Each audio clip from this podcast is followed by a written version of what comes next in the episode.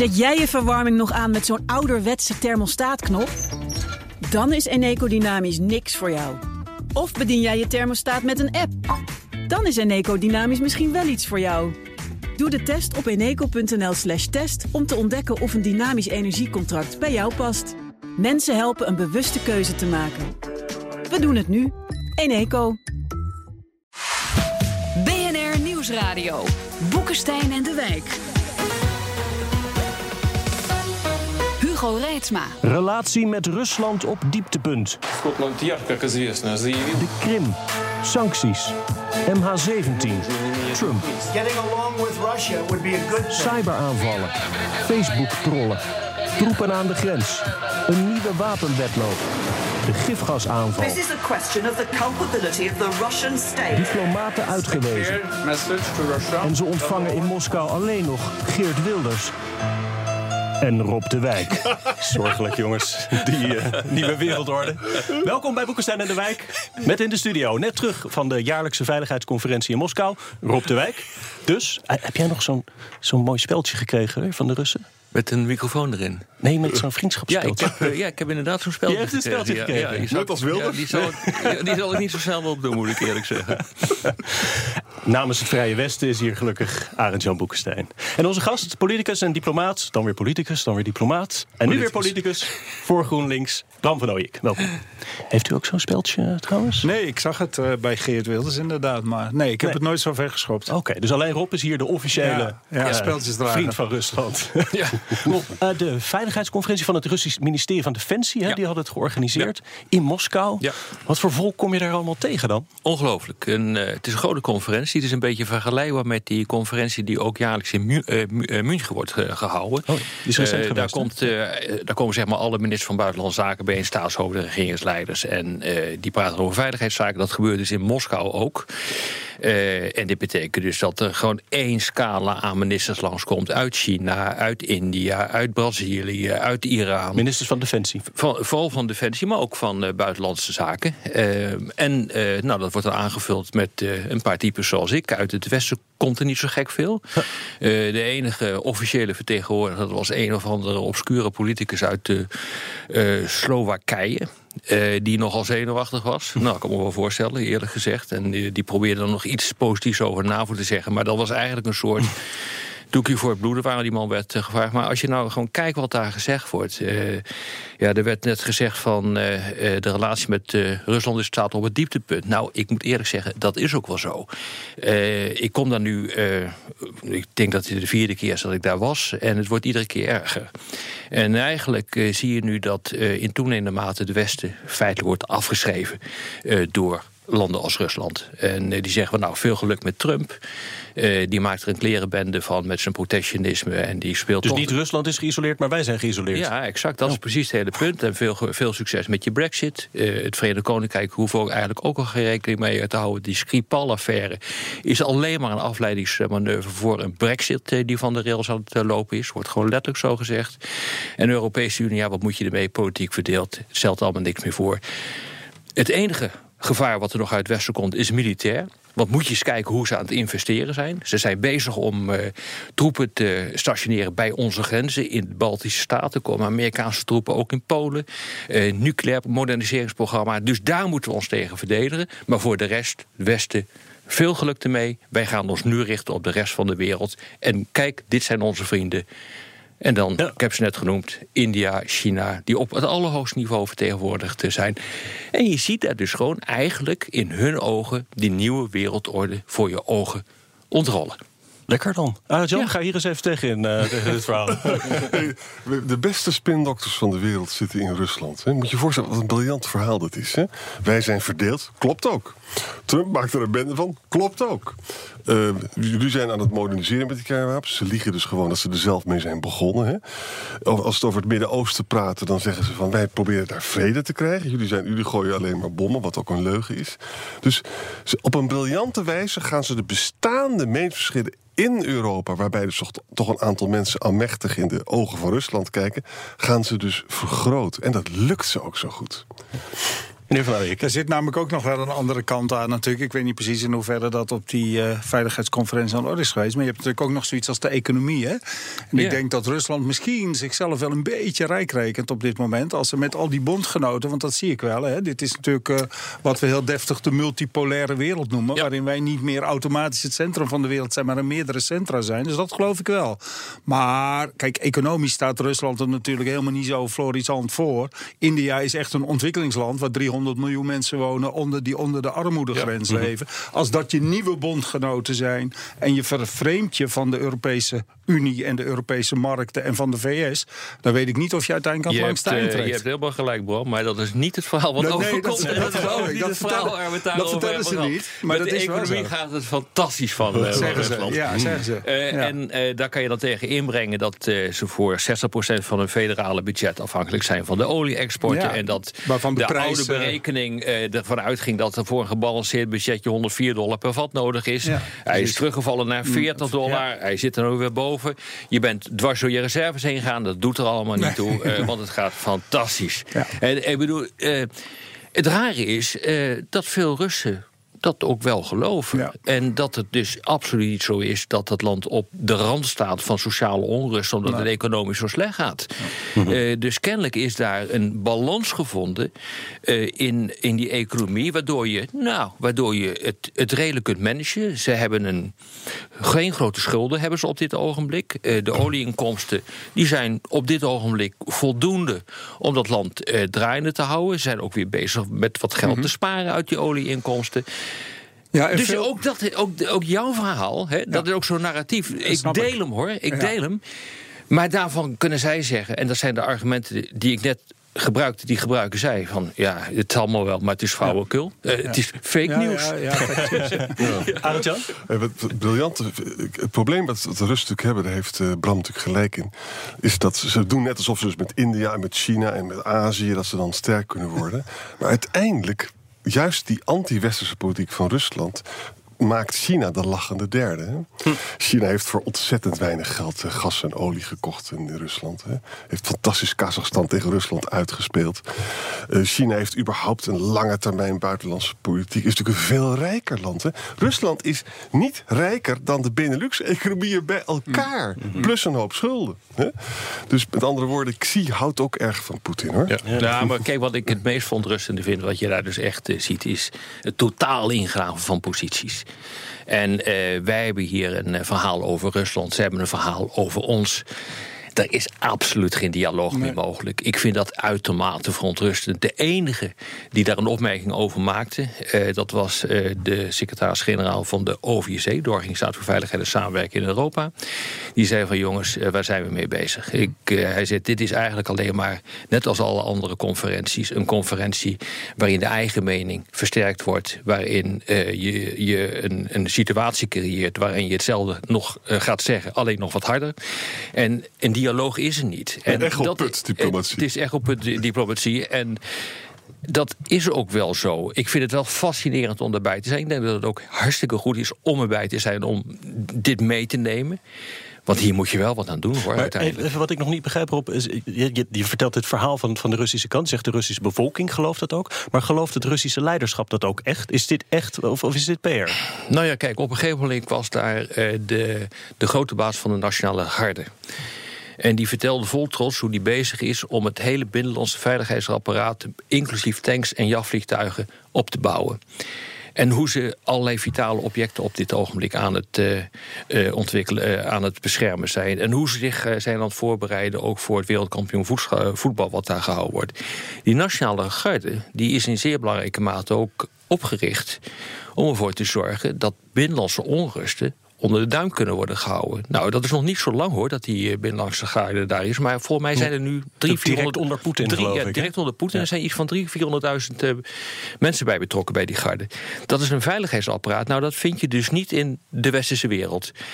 Dat Gelukkig is, niet. wel, dat is wel veelzeggend ook voor zo'n land. Dus kennelijk is er ook het idee van... oh jee, het zou ook fout, kunnen gaan. Ja. Ik zie, Nou ik ja, zie Bram als wel je- kijken. Nou, nee hoor. Maar, maar kijk, ik, de- ik denk als je naar de. Je, het hoeft niet eens propaganda te zijn. Hè? Want als je, als je Inderdaad. bijvoorbeeld nog naar de economie kijkt, dan is het maar net waarmee je het vergelijkt natuurlijk. Als je het met West-Europa vergelijkt, dan staan ze er beroerd voor. Maar als je het vergelijkt met de Sovjet-Unie 25 jaar geleden, Zeker. is het natuurlijk ongelooflijk veel. eh, veel mensen zullen een vooruitgang ervaren in hun materiële verklaart, Bram, maar dit levensomstandigheden. verklaart ook de populariteit van Poetin. Daarom krijgt hij zoveel Tuurlijk, stemmen niet. tuurlijk. Ja, en ik kan dat heel zo'n goed begrijpen. is. Ja, dus dat kun je allemaal wel begrijpen. Maar dat neemt niet weg dat in een uiteindelijke krachtmeting... Hè, waarin economische factoren en, en, uithoud, en economisch uithoudingsvermogen... ook voor je bewapening uiteindelijk toch een hele belangrijke rol spelen. Het nog maar de vraag is of wij nu wel echt het eh, aan het afleggen zijn tegen, tegen Rusland. Ja, daar dat ben ik, niet zo. Daar ben ik nog niet zo van nee, overtuigd. nee, nou ja, maar dat wordt soms wel het beeld, hè? Ja, al was, het alleen maar, nee, al was het alleen maar omdat China Rusland ziet als een junior partner, niet Ja. als een gelijk. Nee, maar dat is zo. Ik wil even naar, want dat was ook eh, deze week, eh, zeiden de Russen dat ze mee wilden werken aan het onderzoek Ja. naar die gifgasaanval op die dubbelspion in Londen. Eh, bij de OPCW gebeurde dat in Den Haag. Dat is dan weer constructief, zou je zeggen. Ja, maar dat was, werd toch niet helemaal vertrouwd. Hè? Er, Nee. er loopt natuurlijk een onderzoek. De Britten zeggen natuurlijk, ja, het is bij ons gebeurd. En eh, hè, wij zijn dat nu aan het onderzoeken. De Russen willen op geen enkele wijze meewerken. Dus het, het riekte ook wel een beetje naar een publiciteitsstunt... om daar nu voor het oog van de wereld te gaan zeggen... wij willen meewerken. En dan afgewezen worden en dan heel boos te kunnen Ja. zijn. Zeggen, zie je wel, wij willen meewerken. Maar daar hebben ze goed gespeeld. ze dat zo ja, als- als oud-diplomaat zegt u dat ik doen ze zou- handig. Ik zal niet zeggen dat dat een eh, stomme eh, actie was. ik denk nee. dat heel veel mensen Ja. die dat horen denken... Huh, waarom mogen Ja. die Russen niet, eh, niet eh, meedoen? Dus dat, ja, ze, zijn natuurlijk, ze hebben natuurlijk hele goede... Je hebt ze net ontmoet erop. Ze hebben natuurlijk hele goede diplomaten. Daar hoeven we niet Daar over... kunnen we wat voor leren, te- hoor. Ja, dat, waarschijnlijk. Ja, waarschijnlijk. Maar Bram, mag ik er iets over vragen? Ja, zo. Het heeft ook iets heel tragisch wat er gebeurt. Hè? Want je ziet ook in Nederland, ook op Twitter... en er zijn nogal wat mensen die direct zeiden van... nou, het is, er is geen onomstotelijk bewijs. Dat is, dat is Nou, ook zo, er is ook ja, geen onomstotelijk nee. bewijs. Het is wel zo, als je het helemaal in, in verdiept... dat er kans zeer redelijk aanwezig is dat de Russen erachter zitten. Hè? En ook hier zie je weer dus... dit ook weer een gebeurtenis die volkomen gepolitiseerd wordt. Ja. Hè?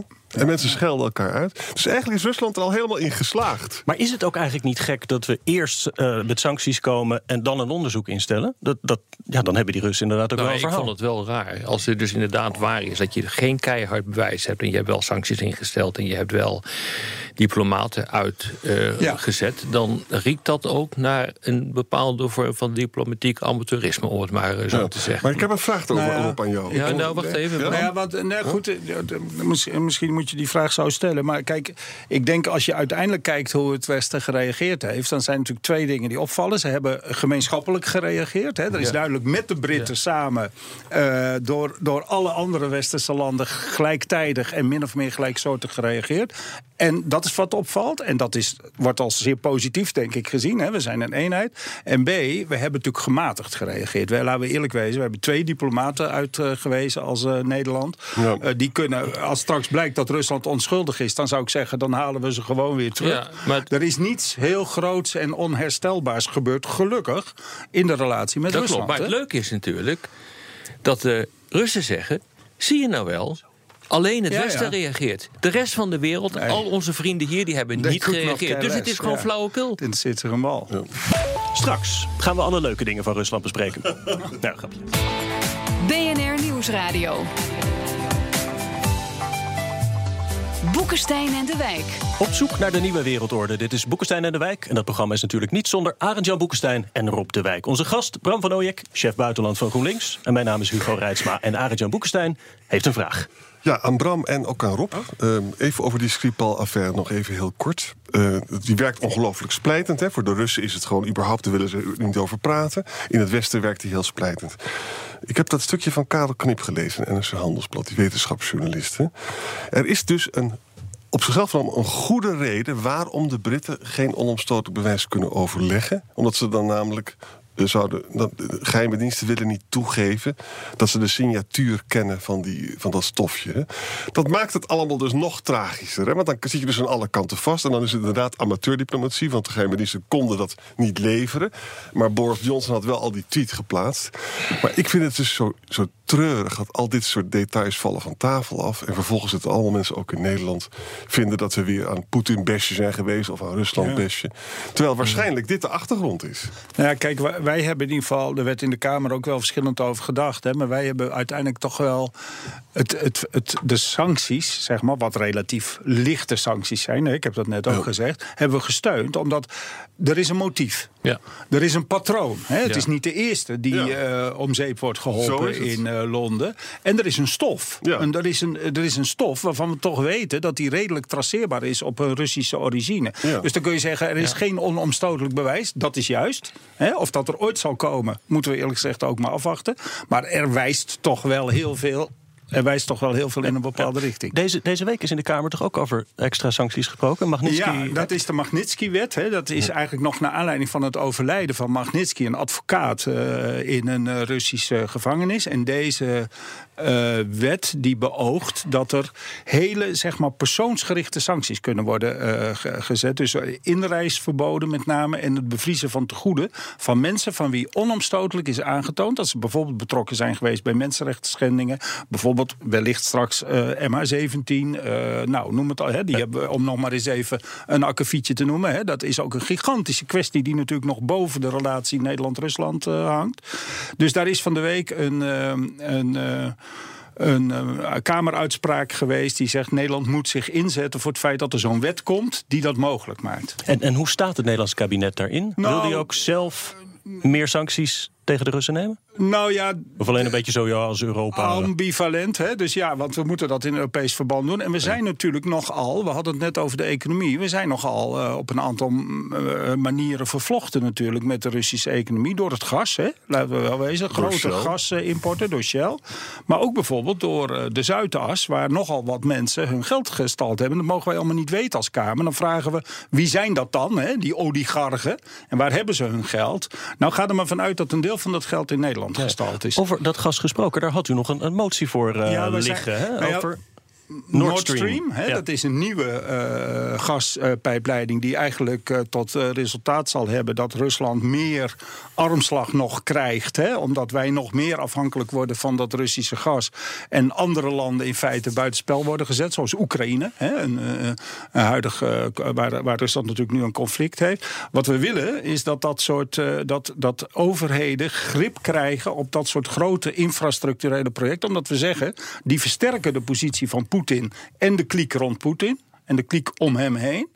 En eh, daar moet je als politiek proberen ehm, eh, eh, het tegenwicht tegen Maar je te zit in het duivels dilemma, hè? want je gooit dus eh, de gaskraan dicht in eh, Groningen. Groningen, Je, je wordt ja, dus dat meer afhankelijk van buitenlands gas. Ja.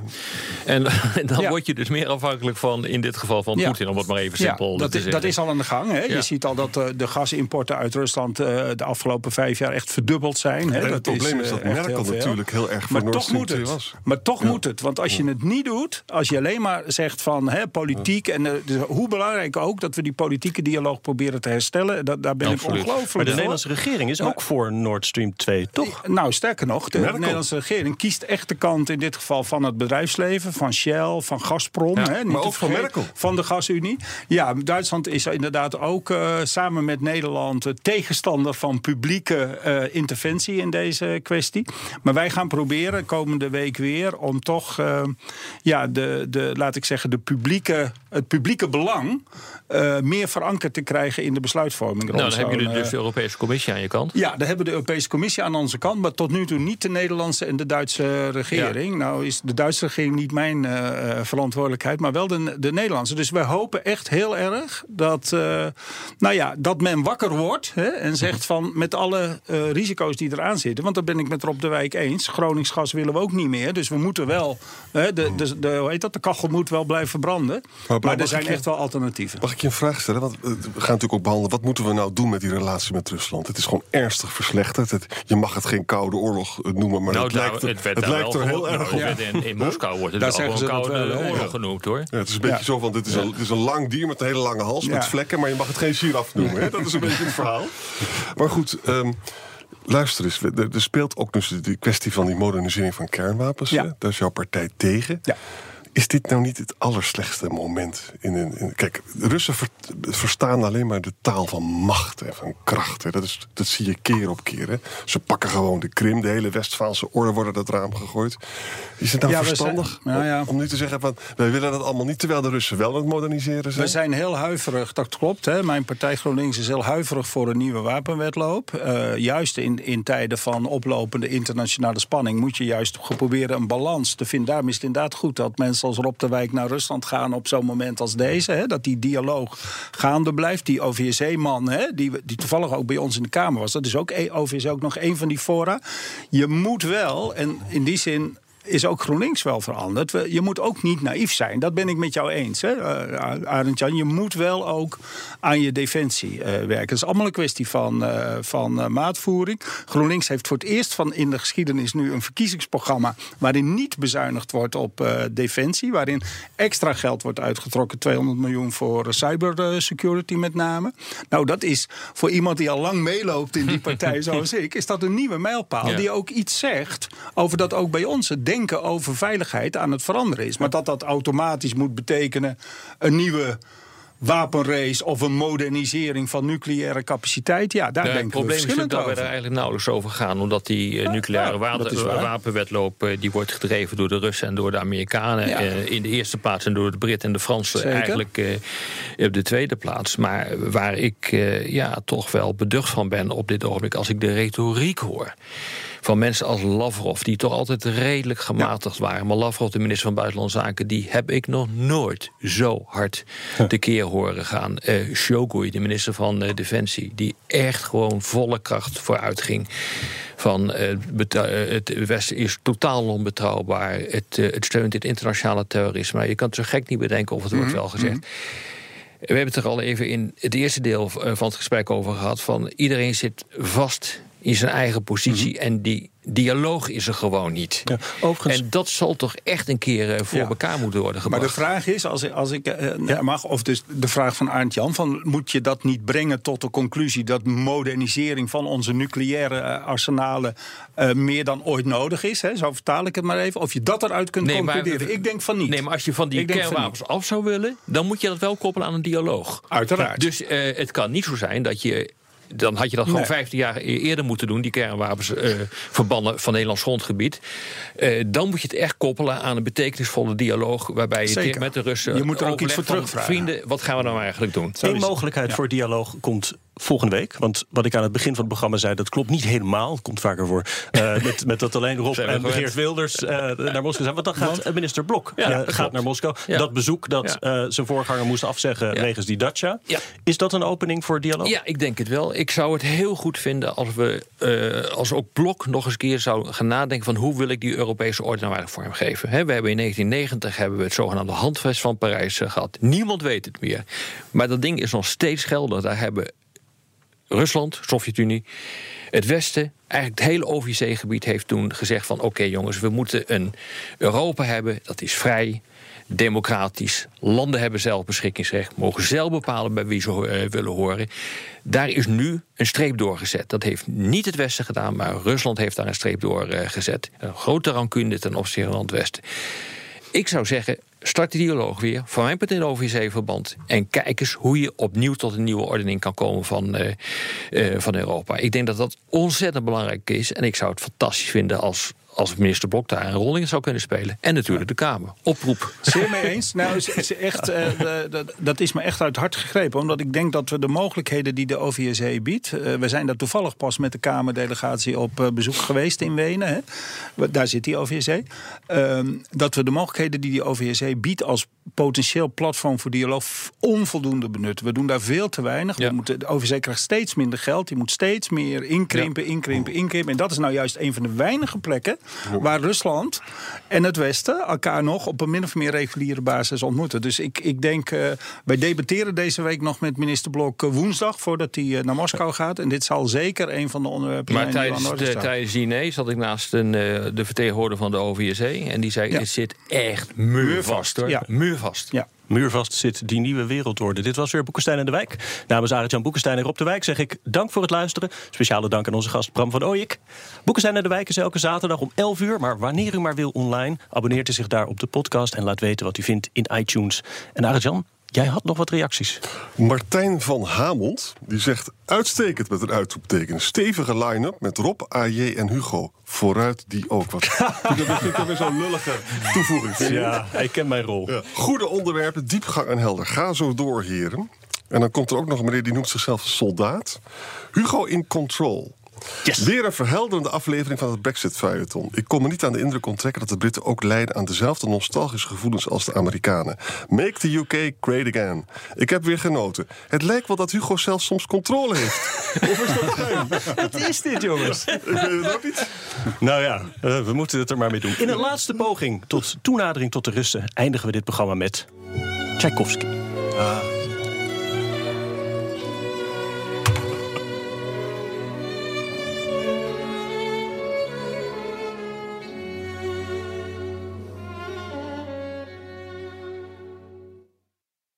Cryptocast is vijf jaar oud. We weten dus, het gaat soms fout. Dat is hier steeds weer voorgekoud. Maar wie zijn crypto altijd houdt, als was het elektronisch goud, dan daar zijn strategie op bouwt. Te lang dit. Luister gewoon naar de Cryptocast. Elke dinsdag crypto nieuws op BNR. De Cryptocast, voor jong en oud. Cryptocast wordt mede mogelijk gemaakt door Bitfavo, de crypto-exchange van Nederland.